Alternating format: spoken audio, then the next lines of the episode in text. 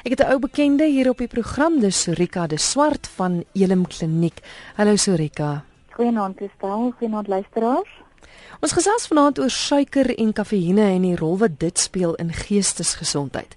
Nou uit die aard van die saak, my heel eerste vraag sal wees, maar kan suiker en of kafeïne effek hê op 'n mens se geestesgesondheid? Ehm um, ja, weet jy, dis dis mos maar maklik om 'n direkte verwantskap te sien tussen wat ons eet en wat met ons liggame gebeur, maar dit is nie altyd so duidelik weet om daardie verwantskap te sien met met jou geestesgesondheid nie. Maar ons baie ek ek wil veral sien die laaste paar jare is daar baie navorsing veral oor kafeïne en suiker. Ehm um, as middels van beide van hulle is baie sterk ehm um, stimulante wat op jou sentrale senuweestelsel werk.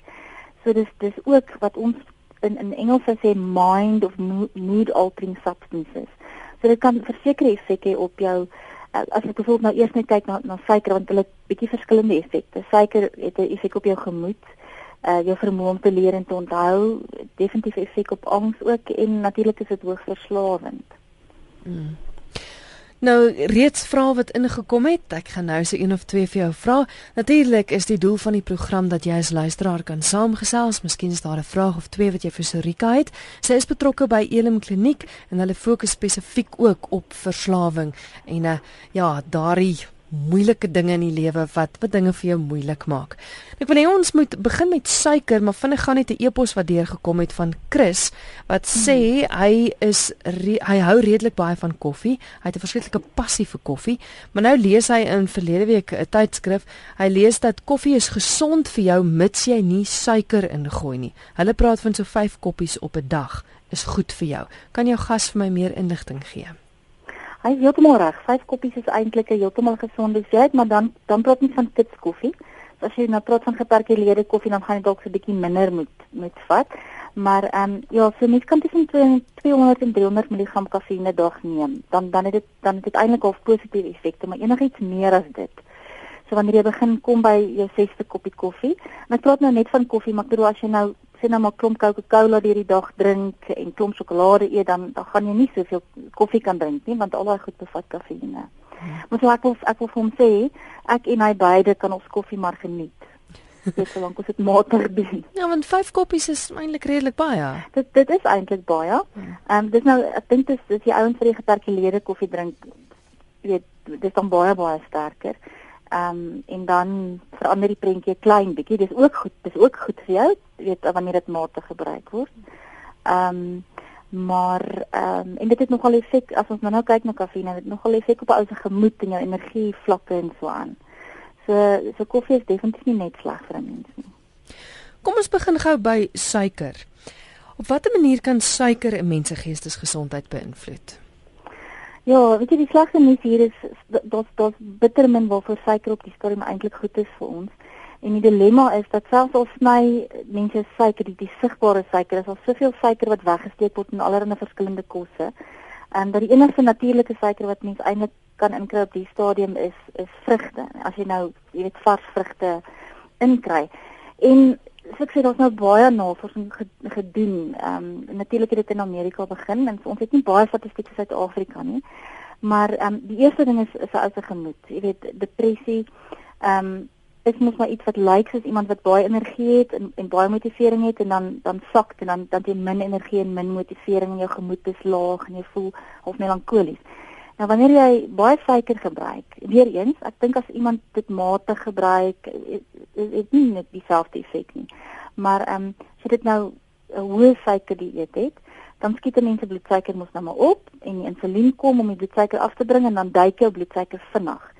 En ehm um, wanneer jy dan so bewerig en melankolies voel, het dit ook 'n effek op 'n spesifieke groeihormoon in jou in jou liggaam wat hulle BDNF noem. Nou ja? ek ek het nie vreeslik baie kennis daaroor nie, maar wat ons weet is mense wat depressief is en wat lernsskizofrenie het baie lae BDNF vlakke en suiker onderdruk BDNF. So hoe meer suiker jy neem, hoe laer gaan daai vlak van daai spesifieke groeihormoon in jou lyf wees. So dit dit kan eintlik nie net dit laat lyk na 'n gemoedversteuring nie, dit kan eintlik 'n depressie weer veroorsaak as jy oormatig suiker gebruik. Kan suiker iets soos angs veroorsaak? Suiker kan angs vir uh, nee, laat ek my dat ek lief is terwyl dit depressie kan veroorsaak, kan dit nie regtig angs veroorsaak nie, maar wat dit doen is dit simuleer uh, tipe van ehm um, simptome van angs. Kyk, as as 'n mens aan angs ly of jy span jy is gespanne van geaardheid of jy kry paniekaanvalle byvoorbeeld, dan is mens mens altyd half op die uitkyk na enige simptoom of enige waarskuwingsteken dat jy 'n paniekaanval gaan kry. En die oomblik as jou bloedsuiker val en jy raak bewerig en jy raak lighoofdig en jy kry al hartpalpitasies, dan is daai baie dieselfde tipe simptome as 'n angsaanval. Hmm. So iemand wat wat ly aan angs, skrik dan en dink hier kom 'n paniekaanval en die oomblik wat jy dink hier kom 'n paniekaanval, dan kom daar 'n paniekaanval. So dis half 'n self ehm um, vervullingsprofesie amper op 'n manier. So alhoewel die die ehm um, suiker nie ja, die die angs veroorsaak nie, maak dit dit definitief, dit kan dit sneller uh en dit kan dit definitief erger maak. Ek weet as daar altyd oor eksamentyd gesels word oor wat jy vir jou kinders moet gee om te eet, dan is suiker nogals een van die dinge wat altyd uitgesny word. Het dit het dit 'n invloed op jou vermoë van leer en onthou? Dis baie interessant. Ehm um, dit baie spesifiek op 'n korttermyn geheue, het dit 'n het dit 'n effek. As jy suiker vir oggend eet en jy skryf net na eksamen, dan is daar wel volgens navorsing omtrent 'n 20% vermindering in jou korttermyn geheue. Hmm. Maar hoe hulle op die afgekom het onder andere is die weet hulle doen mos altyd maar ehm um, studies met rotte eers en dan later met mense en so aan. So hulle het van hierdie ehm um, hulle het rotte geneem in 'n laboratorium en vir 6 weke vir hulle uh, suikerwater gegee. Eintlik ietsie amper soos soos wat ons ons Coca-Cola wil kry. Ehm um, die gas versoete gasdrankies vir 6 weke en daai arme rotte kon hulle pad nie vind uit uit 'n bekende doel of wat hulle voorheen, jy weet, hulle pad uit kon vind nie dan hulle ander rotte gehad wat hulle baie gesonde met ehm um, voeding gegee het. Byvoorbeeld goeders wat omega 3 en 6 bevat. En ons weet omega 3 en 6 help eintlik met geheue en leer. En daai rotte het nou seker geen probleme gehad. Jy weet om hulle pad te vind deur die dool of nie. So ehm um, en en verdere studies het dan nou gewys jy weet mense raak 'n bietjie meer vergeetachtig vergeetachtig as jy baie hoë suikerinname het. So dit het, dit het, dit lyk asof dit definitief spesifiek op jou op depressie op angs en op leer en onthou 'n effek het. Is nou 'n klomp luisteraars wat vra wat van versoeters, onder andere Linda de Swart van Port Elizabeth. Nog iemand wil weet wat van die suikerpilletjies. Is dit 'n alternatiewe ja. suiker? Ek wil ek wil versigtig wees wanneer ek die vraag antwoord want ek is nie die eetkundige nie, maar my verstaan daarvan uit uit die navorsing en uit dit wat ons op die stadium sien is ongelukkig is dit nie 'n goeie opsie nie. Inteendeel, dit is amper 'n slegter opsie want jou liggaam onderskei nie wanneer wanneer die middel inkom. Onderskei jou liggaam nie of dit regtig suiker is en of dit net 'n ehm um, versoeter is wat 'n nagemaakte middel is nie.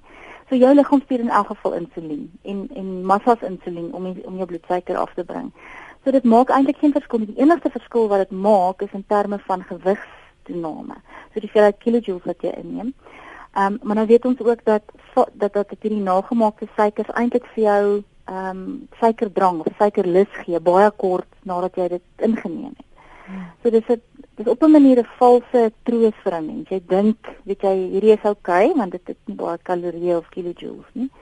Ehm um, maar dit is nie um, ek weet nie of dit gevaarlik is nie, maar dit is nie gesond nie. Ek gesels met Sorika de Swart van Elim Kliniek en ons gesels oor suiker en kafeïne en die rol wat dit speel in geestesgesondheid. Sorika, kan mens verslaaf raak aan suiker? Dit is ongelukkig nogal iets wat redelik verslawend, hoogs verslawend is en ek dink die rede is omdat ons liggaam nie gemaak is vir die hoeveelhede suiker wat ons nou inkry nie. Ehm um, en dit jare gelede was was al die kosse was lae vet en ehm um, die fokus was op op jou vetinname. Nou wat ons intussen geleer het is gesonde vette laat ons eintlik versadig voel. So terwyl ons almal gefokus het op al hierdie lae vet en lae goed, dis hierdie kos net nou al die slegte geraak.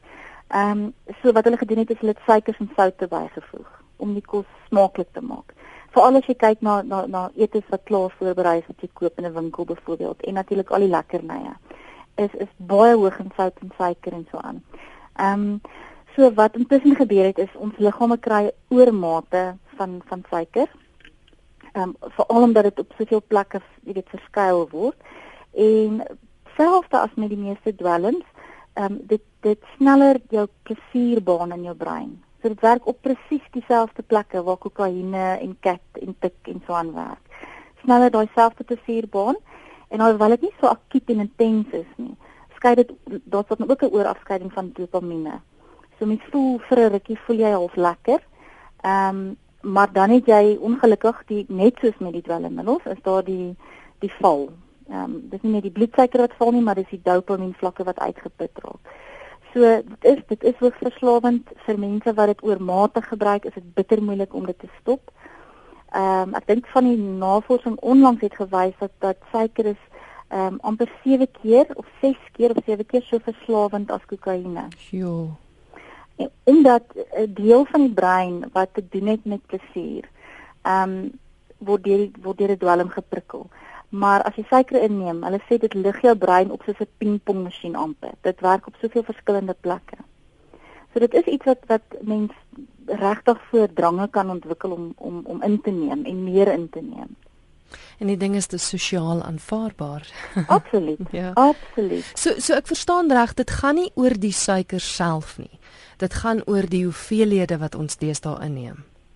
Ek dink dit is veelhede, maar ek dink dit het ook te doen met hoe verfyn alles is. Goed. Hoe meer verfyn en geproseseer iets is, hoe meer verslawend is dit. Hoe minder energie vat dit van die van die liggaam om te verteer ensovoorts. So, ehm um, ja, ek dink jy weet as mens jy weet in die, in die ou dae, ek, ek wil sê in die ou dae, het mense tog net maar suiker in hulle koppies koffie gegooi en ons het nie gesukkel met vetsigtigheid soos nou nie. Die lande waar die hoogste suikerinname is, is Amerika eerste dan ehm um, Engeland en dan Suid-Afrika. Dis ook die drie lande met die hoogste voorval van depressie. Ehm um, en net soos wat hulle gedoen het met die rotte in die laboratoriums, ehm um, het hulle gekyk in terme van die verslawing van van suiker. Het hulle ook met rotte eers gekyk. En hulle het vir hierdie rotte 'n keuse gegee tussen die kokaine en suikerwater. Ehm um, en sonder uitsondering het hulle suikerwater gekies. Reg. En wanneer dit weggevat is, het die was die rotte geïrriteerd, hulle was aggressief.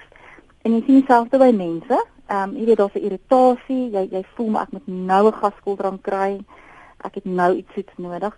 Ehm um, so mense sukkel letterlik met sekere onttrekkingssimptome as as hulle totaal en al so amper sê koltertjie gaan van sigbare suikers, dan sit hulle met sulke simptome. En dit is dit is een van die uh, teken van 'n verslawing is. Hier is ook 'n vraag wat deurgekom het wat vra hoe gaan ek weet of ek verslaaf is aan suiker? Dit is moeilik. Ehm um, ek dink as jy kyk na gewone tipe ehm um, verslawingskenmerke dan is daar 'n bietjie van 'n gevoel van verlies aan beheer. So as jy letterlik weet 8 uur in die nag besluit ek ry nou vir sjokolade ek wag nie tot môre nie. Of in steede van net 'n halwe slab Oreo te eet of dis seker eintlik al baie vir my is dit min maar um, ek maak hom klaar. Jy weet ek, ek kan nie half ophou tot ek hom klaar gemaak het nie. Uh, ek gaan slaap met 'n 2 liter koeldrank langs my bed. En dis algemeen mense wat met 'n 2 liter Coca-Cola langs hulle bed gaan slaap. Dan dan dink ek daar's 'n verlies aan beheer. Dan die ander ding is as jy as jy drange kry na suiker as jy en jy weet jy weet as dit suiker is wat jy wat jy wil hê En dan die ander ding is wanneer jy dit nie kan kry nie, dan is daar miskien 'n angstigheid, jou gemoed is is laag, irritasie. Ehm um, daar's mense wat voel hulle voel half queasy. So dis nie regtig naar nie, maar hulle kan voel iets voel nie lekker aan hulle spysverteringsstelsel nie. So dit is eintlik amper soos onttrekkingssimptome. Hmm. Die oproep wat deurkom, kom ons kyk gou-gou. RSG goeienaand. Goeienaand, ek is Nona wat praat. Ek wil net by uh haar hoor. Ons drink net breinsuiker by jou huis. Ek drink glad nie koffie nie en baie keer miskien een lepeltjie suiker 'n dag breinsuiker en al my kos en goed gebruik ek net breinsuiker en dan drink ons elke aand een glas koeldrank. Is dit te veel of uh ek wil net weet. Ek luister op die radio verder. Dankie. Goed, baie dankie vir die bel. Sorika. Ek dink die die ek dink dit is 'n goeie vraag. Is dit te veel of? Dit is moeilik om te sê. Ek wil amper al sê watse effekte sien jy in jou lewe? Jy weet as jy begin gewig optel dan weet jy okay dit dit doen nou iets aan my lyf. Dis of dit of dit is verfynde koolhidrate wat iets aan my lyf doen of wat ook al. As as iemand sê, weet jy wat, na een glas koeldrank wil ek nog een hê.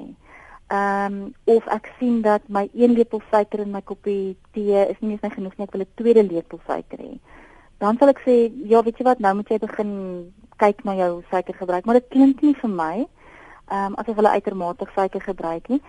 Ons weet ook breinsuiker omdat dit grower is, ehm um, dis nie so verfyn nie, is bietjie gesonder, maar nou is daar ook die moontlikheid dat daar baie keer kornsirup en heuning gebruik word in die maak van sekere breinsuikers. En daai middels is nou weer so verfyn, dit word nou net by die suiker gesit. So dis wanneer jy wanneer jy die suiker gaan gaan koop, moet 'n mens kyk, daar's 'n paar goeders waarvoor jy moet kyk.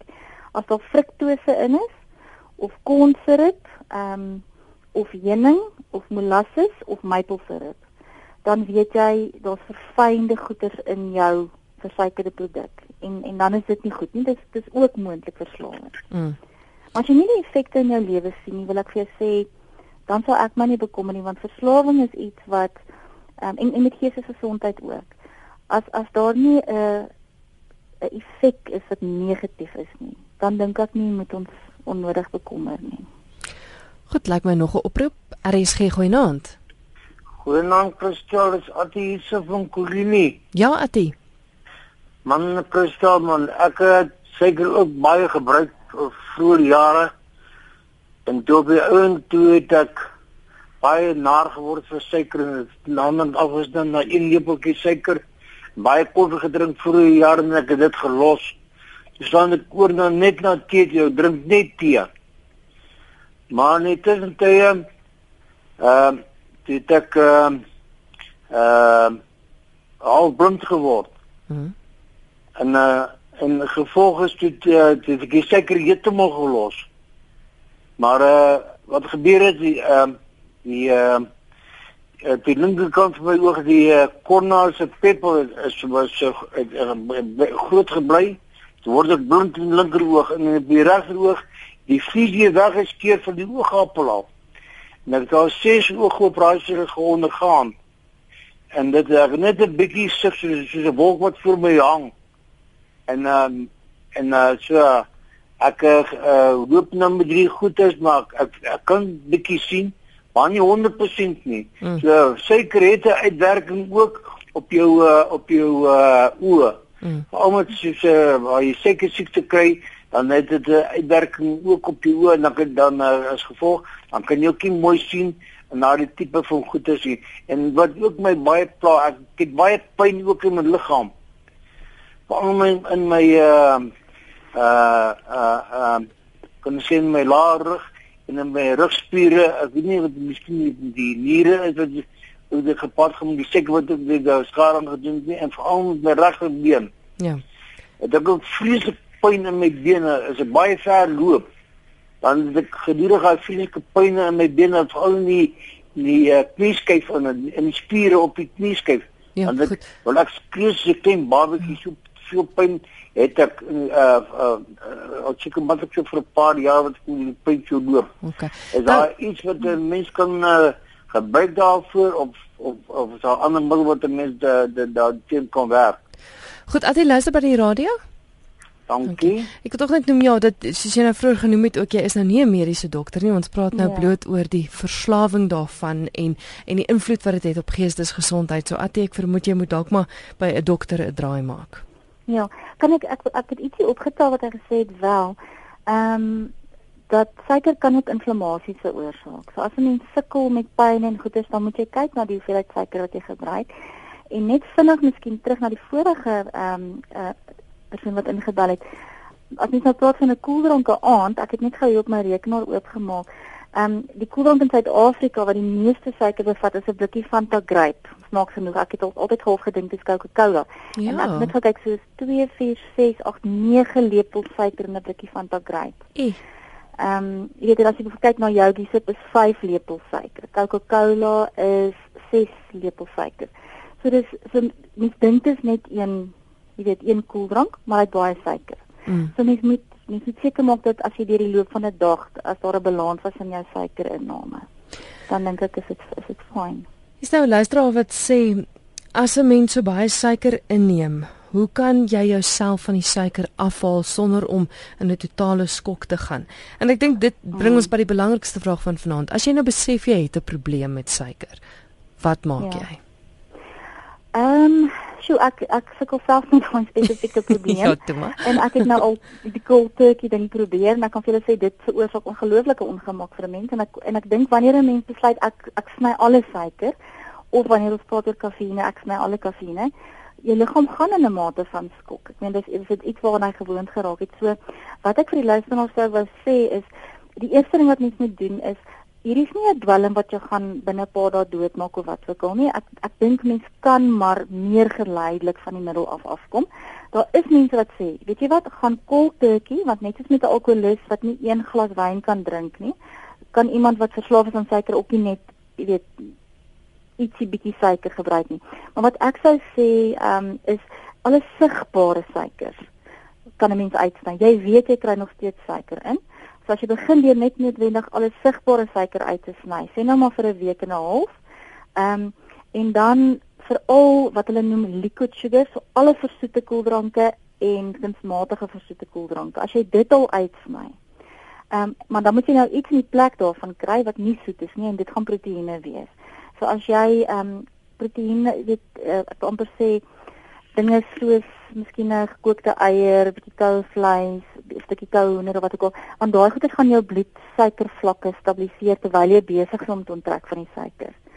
Ehm um, en dan moet 'n mens wegbly van goeders af soos melkskommels, ehm um, dit bevat ook mos nou maar baie suiker, maar die feit dat dit daar's ehm um, kalsiummorfine daarin wat mense ook laat lekker voel. So mens moet dan nie byvoorbeeld nou dan gaan vir al die suiwer suiwel opsies soos jou yogi sips en jou dik McDonald's melkskommels of wat ook al nie. Hmm. So bietjie meer geleidelik um, en begin met die sigbare suikers. Die suiker in jou koffie, as jy 2 lepels drink, gaan af na 1 en 'n half en dan gaan jy af na 1 en dan staak jy dit. Ehm um, maar ek dink een van die groot groot dilemma's vir ons in die land, veral as dit warm is, is is die hoeveelheid suiker wat ons inneem in koeldrank. Ja, luister na Geestesgesondheid. My gas is Sorika de Swart van Elim Kliniek en ons gesels oor suiker en kafeïne en die rol wat dit speel in geestesgesondheid.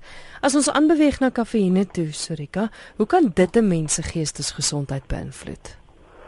Ehm, um, kafeïne, dis ek wil amper al sê dis as ek dis nou my dwelm van keuse. Ehm um, en ek sukkel dan nogal om in die oggend lekker wakker te word as ek net 'n koppie koffie gehad het. Nie so die goeie nuus is, daar's 'n paar baie positiewe dinge aan kafeïne. Nou as ek sê kafeïne moet mense onthou, jy kry dit in verskillende goed. Ehm um, en ons ons kan nou daaroor praat, maar wat ek so wat ek wil sê is as 'n mens byvoorbeeld aan aandagtekortversteuring ehm um, ly. Ehm um, dan gaan 'n koppie koffie jou 'n bietjie help fokus. Ehm um, en soos wat ons net nou gesê het, tot en met 5 koppies koffie 'n dag is jou is, heeltemal aanvaarbaar en gesond. As ons as ons dink aan kitskoffie, dis omtrent 200 na 300 mg kafeïne 'n dag. Uh en selfs vir 'n depressieleier wat hulle gevind het is 'n koppie koffie lig jou gemoed. Dit lig jou energievlak, dit lig jou motivering, so dit lig jou gemoed ook. En daar's interessante studies wat gewys het dat jy uh 2 tot 4 koppies koffie lig jou depressie. Ehm um, maar maar wanneer jy vir 8 koppies koffie drink, dan dan dan dan verswaar dit jou depressie. So dit kan nie depressie veroorsaak nie en dit net weer sê maar wat wanneer daar reeds 'n depressie is. 2 na 4 koppies koffie kan jou gemoed lig deur die loop van 'n dag, 8 koppies koffie kan jou eintlik weer weet baie depressief maak en dit het, dit is 'n baie chemiese verduideliking van hoe dit werk wat ek my nie in wil begewe nie. Ehm um, en dan die ander ding natuurlik met bipolêre versteuring waar persone manies kan raak. Oormatige koffie kan eintlik so 'n ehm um, dit, dit kan lyk asof jy in 'n maniese episode ingaan. Die pupille raak groter, mens praat meer, uh hartpalpitasies, die tipiese tipe van goeders wanneer jy sien maar weet jy wat ek is nou besig om manies te raak of hoog te raak.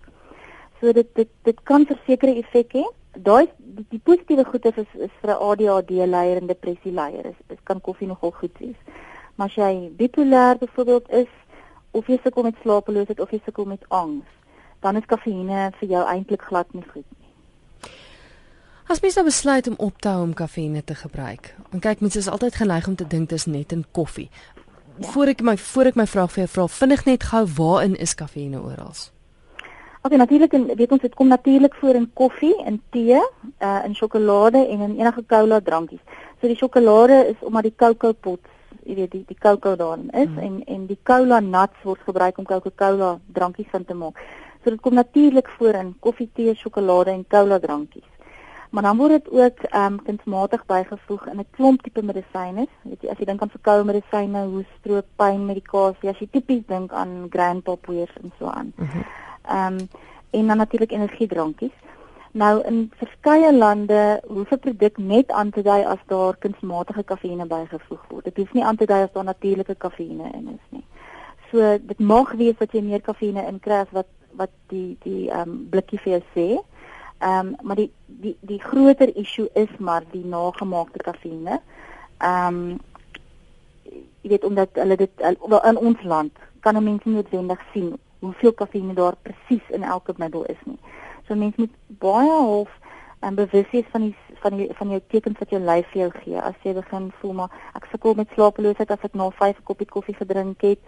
Ehm um, energiedrankies byvoorbeeld sportdrankies soos Energy and Powerade en bevat nie veel kafeïne nie. Bevat baie suiker, maar wanneer jy kyk na jou Red Bull en Monster en daai goed, bevat dit oormatig hoeveelhede kafeïne. Goed, nou kom ek terug by die ander vraag wat ek gevra het. As jy besluit jy wil nou kafeïne uitsny. Ek weet baie mense sê as hulle as hulle minder koffie drink dan kry hulle hoofpyn. Wat is van ja. die simptome as jy dit uitsny? Ja, dis ongelukkig hoofpyn is een van die groot van die grootes. Rusteloosheid, hartklopings, angstigheid, spanning, ehm um, weet hartpop, hartpalpitasies. So wanneer 'n mens besluit dat jy jou koffie, ekskuus, jou kafeïne wil verminder, ehm um, dan wil ek amper dieselfde sê as met suiker. Dit is onnodig met kafeïne om heeltemal cold turkey te gaan. Dit is ook moeilik vir 'n mens om te identifiseer waar in al jou kafeïne voorkom. So ek sal onder soos net sê sal ek sê identifiseer hoeveel kafeïne jy in 'n dag inneem en watter impak dit op jou lewe het. Ehm um, as jy voel sukkel met slapeloosheid dan weet jy, weet jy wat, as ek sê nou maar 5 koppies koffie 'n dag, dis die verantwoordelike hoeveelheid 5 koppies koffie 'n dag. Neem dan jou kafeïn koffie in die oggend. Sê nou maar 2 koppies koffie met kafeïne en dan deur die loop van die van die res van die dag 3 koppies wat kafeïnvry is. Ehm um, so jy jy kan jou kafeïne met kafeïnvrye koffies um, vervang. As jy byvoorbeeld sukkel met angs of slapeloosheid, jy hoef nie heeltemal weg te bly van koffie nie. Ehm um, en en dan moet jy sensitief wees vir wat jou liggaam vir jou sê. As jy steeds sukkel met angstigheid, is dit dalk die moeite werd om heeltemal die koffie te los, maar dan geleidelik. Want die oomblik as jy dit as jy daai cold turkey ding doen, dan kom al hierdie jy weet spanning en angs en en ehm um, hoofpynne en dan is 'n mens geneig om baie vinnig terug te gaan na die middel toe wat dit beter maak. Mm. Wat dit dan kafeïne is. En ek dink om ehm um, behalwe dat jy miskien stelselmatig jou kafeïne kan verminder, is daar ook ander drankies wat jy kan drink. Ons weet tee het ook kafeïne in, maar rooibos tee het nie. So rooibos tee is eintlik 'n baie gesonde ehm um, iets wat jy kan gebruik. En ehm um, probeer nou net gou nog dink vir iemand wat byvoorbeeld sukkel met soeibrand en en maagsap en so aan vir my ook maar kafeïne. Ehm um, en en kyk na jou kafeïnvrye opsies.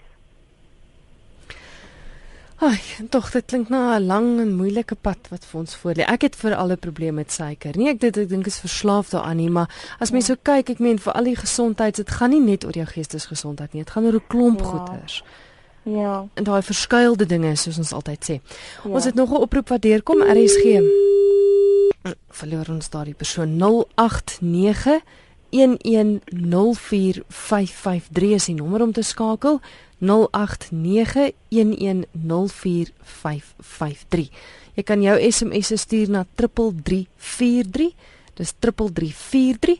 Dit kos jou R1.50. RSG goeienaand. Hallo?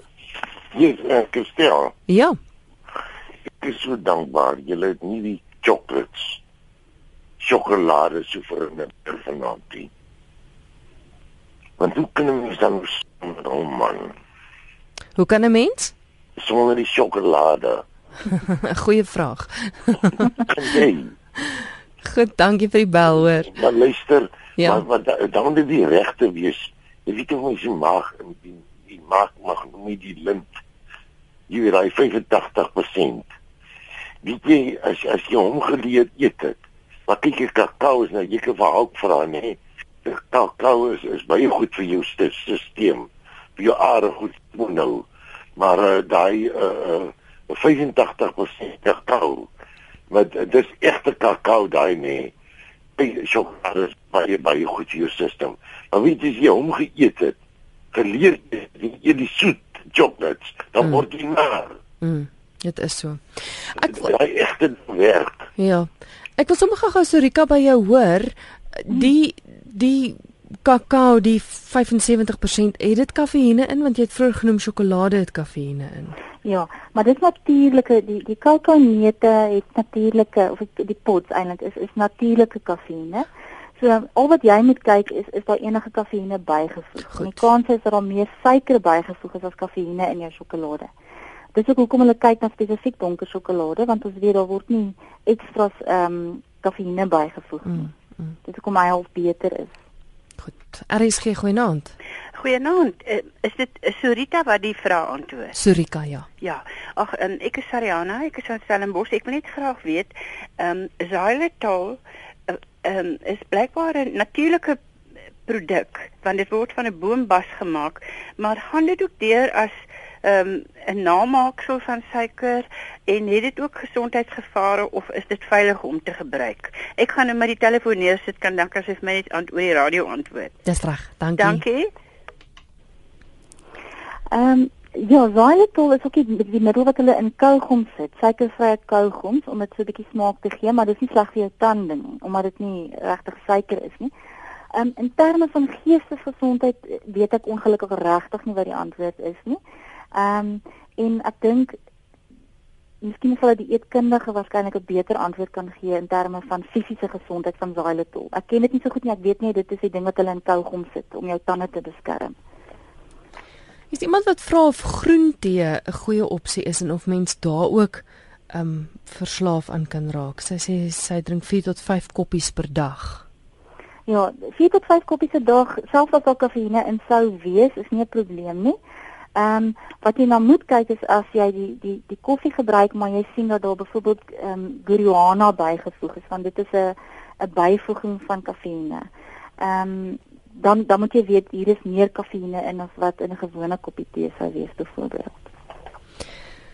Ek wil jou gevra kan mens so erge verslawing hê vir kafeïne en suiker dat mens by 'n plek soos Elim ingeboek moet word of moet gaan vir rehabilitasie? Kan dit so ver hand uitdruk? Ek dink nie vir kafeïne noodwendig nie. Ehm um, tensy daai kafeïne byvoorbeeld iets is wat jy binne 'n grand bottle gebruik saam met ander medikasies en so aan. So ek dink as as die kafeïne deel van 'n groter probleem is. Ehm um, jy weet iemand met 'n angsversteuring of so iets en dan dink ek is dit is dit meer 'n psigiatriese probleem eerder as 'n as 'n verslawingsprobleem.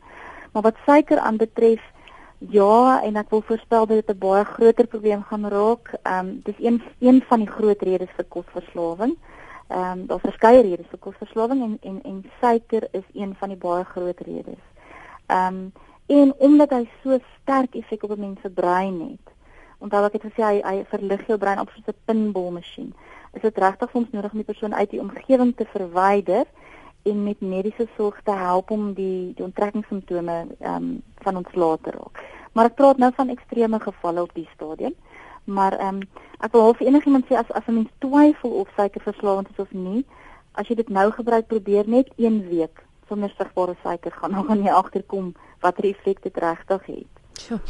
Ek het regtig nie gedink aan die begin van die program dat suiker 'n groter probleem gaan wees as kafeïne nie. So dit is interessant want die DSM-5 variantleiding is wat gebruik word. Ehm um, praat van kafeïne, maar dit praat glad nie van suiker nie. Hulle hmm. jy weet hulle voel daar's nog te min navorsing oor die suiker. Die kafeïne het baie spesifiek hoekom dit 'n uh, 'n effek het op geestesgesondheid is.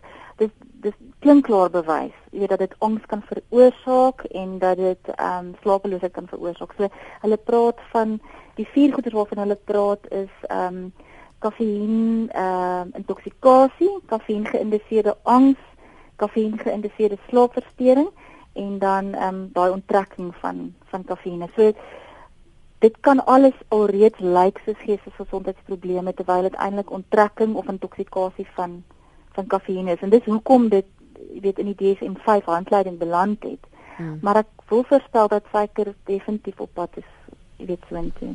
Ek gaan afsluit met 'n laaste SMS wat ingekom het. 'n Luisteraar wat vra hoe gemaak as jy suiker kryf. Krywing van so 'n aard dat dit soos 'n verslawing voel wat jy elke sekonde van die dag moet teenbeklei. Ek en sou jy suiker inkry so sjokolade, het jy nie 'n versadigingspunt nie. Wat maak jy dan? Duidelik moet jy wegbly, maar partykeer kan jy net nie 100% van elke dag aanhou beklei nie. Is daar ja. medikasie vra die luisteraar? Daar is medikasie wat kan help. Ehm um, in die sin dat in party, ek dink party van jou ehm um, huisdokters gaan nie noodwendig hiermee saamstem nie, maar jou homeopate gaan sê ja, dit dit is so. Mens kry iets wat jy noem Candida wat 'n uh, gis tipe van infeksie is. Is 'n yeast infection as ek die Engelse woord kan gebruik wat in jou darmes beland.